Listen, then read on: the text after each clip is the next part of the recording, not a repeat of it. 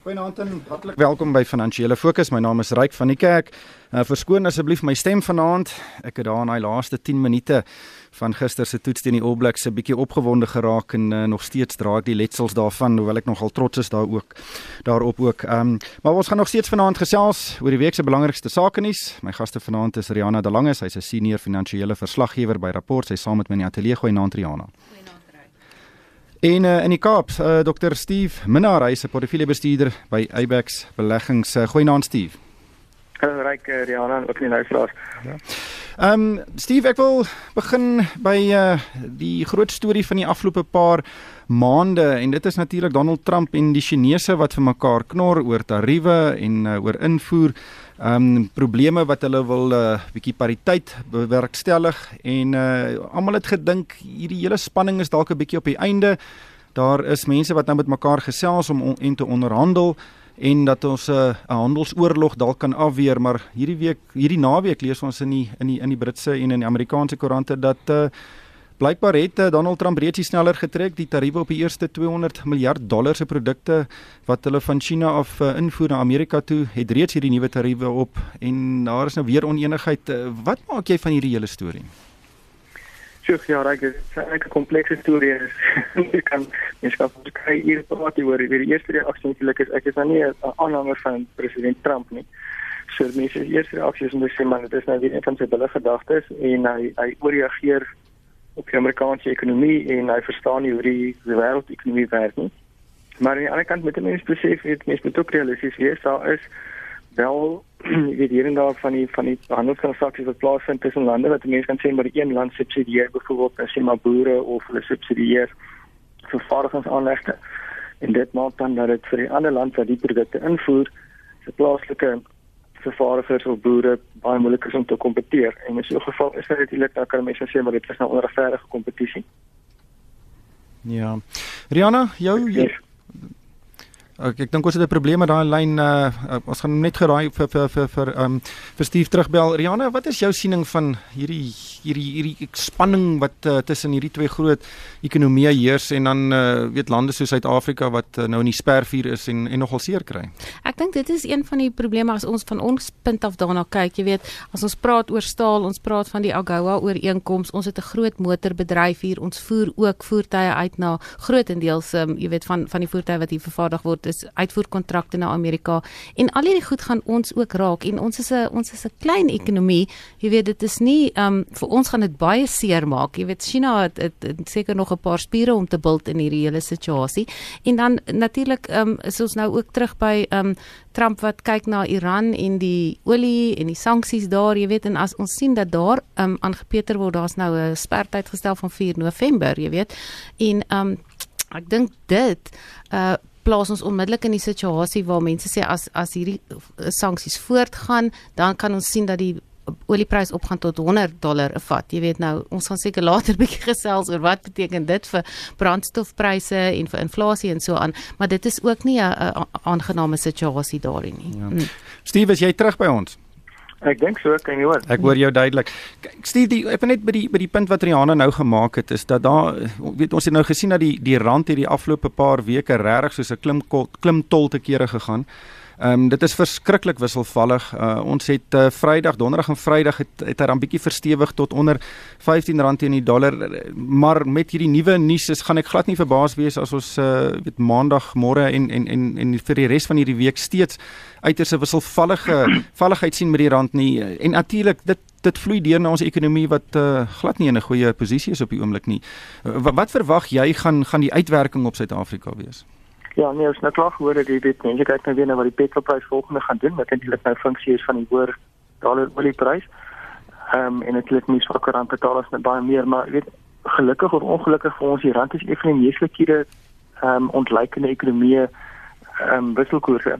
So baie keer is 'n as 'n buitelander net 'n eenvoudige posisie wil inneem teenoor die ontleikende markte, is dit baie makliker om 'n paar rande te verhandel as byvoorbeeld nou iets in die Filippyne of in Argentinië en so ons is so 'n bietjie vang ons die skrapnel van wat aan ander lande in die gang is.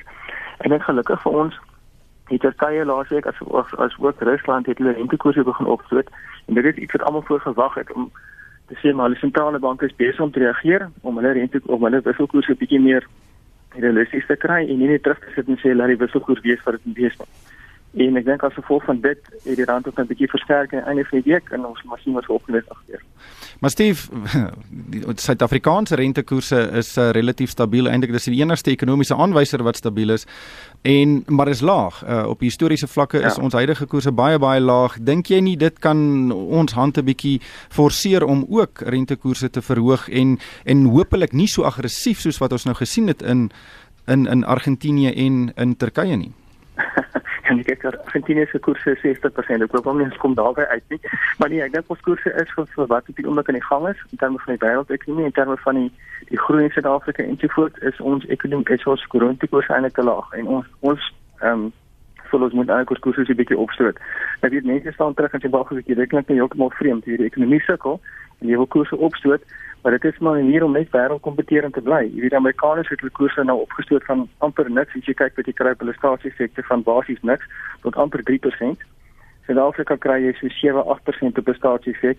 Daai verskilletjie tussen 8% en 3% in Amerika relatief tot die groei in die twee ekonomieë is is nie genoeg van 'n risiko buffer nie. So daar moet ons ons koerse hoër opstoot om Suid-Afrika meer aantreklik te maak vir buitelanders. Kan ek miskien net ietsie sê as ons oor die wisselvalligheid van die rand praat? Jy weet, as ons kyk so die einde van die vorige week toe die syfers oor die um, lopende rekening uitgekom het, toe die rand dan so 'n bietjie kop opgetel, jy weet, want die die tekort was 'n bietjie kleiner as as verwag. So in die tweede kwartaal was die tekort op die lopende rekening so 3.3% van die bruto binnelandse produk en in die eerste kwartaal um 4.6. Maar nou as ons kyk na waar wat gebeur het in die derde kwartaal, baie minder vraag um na wêreldvraag na ons produkte en omdat die rand swak was, jy weet die invoer van goedere het het ons nogal redelik baie gekos. So ons kan dalk weer aan die einde van die derde kwartaal sien dat dinge ook nie so goed lyk op die lopende rekeninge nie en dan gaan die rand weer reageer daarop. Wel ek dink uh die rand uh, miskien een van die mees uh, verhandelde geldeenhede in die wêreld. Ek dink dit is omtrent 'n derde van ons um BBP omtrent uh, net so oor die 10 triljoen rand word op 'n daaglikse grond, grondslag verhandel. Dit is 'n geweldige likwide geldeenheid. Maar Rihanna, ons praat oor China, maar China het ook hierdie week was daar wel was 'n storie vandag in rapport Um, ek het amper uh, van my stoel afgeval toe ek dit gelees het en dit is dat die Chinese Suid-Afrika toe wil kom en 'n nuwe stad wil bou in Limpopo. Uh, 17 miljard rand wil hulle daar in in die grond druk en hulle wil hulle eie kragstasie bou. Wat waar wat waar kom dit vandaan? Ja, ek moet sê dit is um ons het voor die tyd ook bietjie daaroor gesels. Dit is inderdaad iets vreemd en dit lyk asof dit te doen het met met Call of Africa. Um jy weet voorheen Call of Africa die um aanlegte wat hulle daar het, maar ek ek weet nie die plek is vir my vreemd. Waarom doen hulle dit? En dan natuurlik die hele situasie wat jy sê van om 'n eie kragstasie, 'n steenkool kragstasie daar te bou. Die vraag word inderdaad gevra, waar pas dit in by Suid-Afrika se geïntegreerde hulpbronplan? Jy weet die nuwe konsepplan wat op die tafel is want daarin word nie voorsiening gemaak vir nog steenkool kragstasies nie. Ons het Modepi en ons het Kusile en ek weet nie in hoe mate jy weet persentasie gewys hulle al op op koers is nie, maar jy weet waar gaan dit vandaan kom? En ek weet nie as jy kyk na die uit uitleg daarvan daar's goed soos 'n museum in 'n gimnasium en hulle praat van vreeslike groot werkskepping. Um in my uh wat ek net wonder daaroor, jy weet ons was onlangs um in die Oos-Kaap gewees by Beijing Automotive Industry wat ook 'n projek daar begin in die in die Kuga nywerheidsontwikkelingszone. Um en aanvanklik die die hoeveelheid werk wat gesê het gaan geskep gewees het teen hierdie tyd waar konstruksie nou staan en dit het nie naaste by gebeur nie en dit is hoekom mense hierdie soort vrae vra van wat bring die Chinese werklik. En die ander ding is net nou lyk dit asof die regering van Limpopo sê, die provinsiale regering sê ons gaan wel onderhandel om tog hierdie ding te laat inpas by die geïntegreerde hulpbronplan. So jy het nou net die plan op die tafel na so lank en nou wil jy hom weer verander. Ja, dit daar is baie vrae. Ehm um, Steve, ehm um, die die stad sal uh, hier die Musina Makado Nywerheidstad en en, en soos uh, Rihanna gesê daar is 'n grafika in in rapport wat wys hoe die ding gaan lyk en dit lyk taamlik of dit al reg lank in die beplanningsfase is. Ehm um, maar ehm um, Steve, van die voordele wat die Chinese nou gaan kry deur hierdie ooreenkoms is is eintlik baie baie tasbaar. Hulle gaan basies nie uh, eh, BTW betaal nie. Hulle gaan die helfte van die maatskappybelasting betaal, net 15%. Ehm um, en en hulle wil graag toegang hê tot hulle eie kragsentrale en hulle wil eh, van van weet basies staal vervaardig. Wat wat, wat is jou indrukke hiervan? ek sien saam met Rihanna. Die hele storie klink vir my baie vreemd. Dit maak glad nie sin nie. Soos op die oomblik het ons het ons te veel krag in die land, so dan nog 'n kragsentrale en dan nog 'n steenkool een of daarmee saam. Dit bou maak glad nie sin nie. Kyk, die die Afrika lande probeer al baie lank om bietjie meer van die van die grondstof wat ons uithaal plaaslik ehm um, te verwerk in plaas van net op 'n klomp weet tonne grond uit te voer in China toe of Europa toe of Amerika toe om daar verwerk te word. So mense kan sien dat daar al iewers iewers 'n plan is maar dan moet dan maar ander maniere wees om dit te doen. Jy weet om so in die middel van hernis nou skielik 'n klomp aanlegte te gaan bou. Ehm um, soos jy sê die hoeveelheid werk het klink maar relatief min die belastingvoordeel wat gegee word klink relatief min uh, in terme van wat wie terugkom na Suid-Afrika. Sê die hele storie dit klink so bietjie vreemd. So ek um, ek is nie seker van die projekkie mens maar ons sien presies wat daar aangaan. Marianne, dis presies die tipe belegging wat ons in Suid-Afrika eintlik soek. Ons soek uh, buitelanders wat kom fabrieke opsit en en en werk skep en en produkte maak wat wat ons hele ekonomie kan help. Hoekom is ons sinies hieroor? Ek dink net die groot ding daar is nie 100% duidelikheid oor wat bring hulle na die tafel toe en wat daarvan is die voordeel vir Suid-Afrika nie. Ons sien nou baie van die voordele vir hulle, soos ons sê. Ek bedoel, watter Suid-Afrikaanse maatskappy sal nie op en afspring as hulle net 15% maatskappybelasting hoef te betaal nie. Jy weet, so hoekom hoekom sien ons al die voordele wat dit vir die Chinese het, maar bitter min vir ons? En soos ek sê, as ons kyk na na die projek onder in die Oos-Kaap en mense moenie te negatief daaroor wees nie.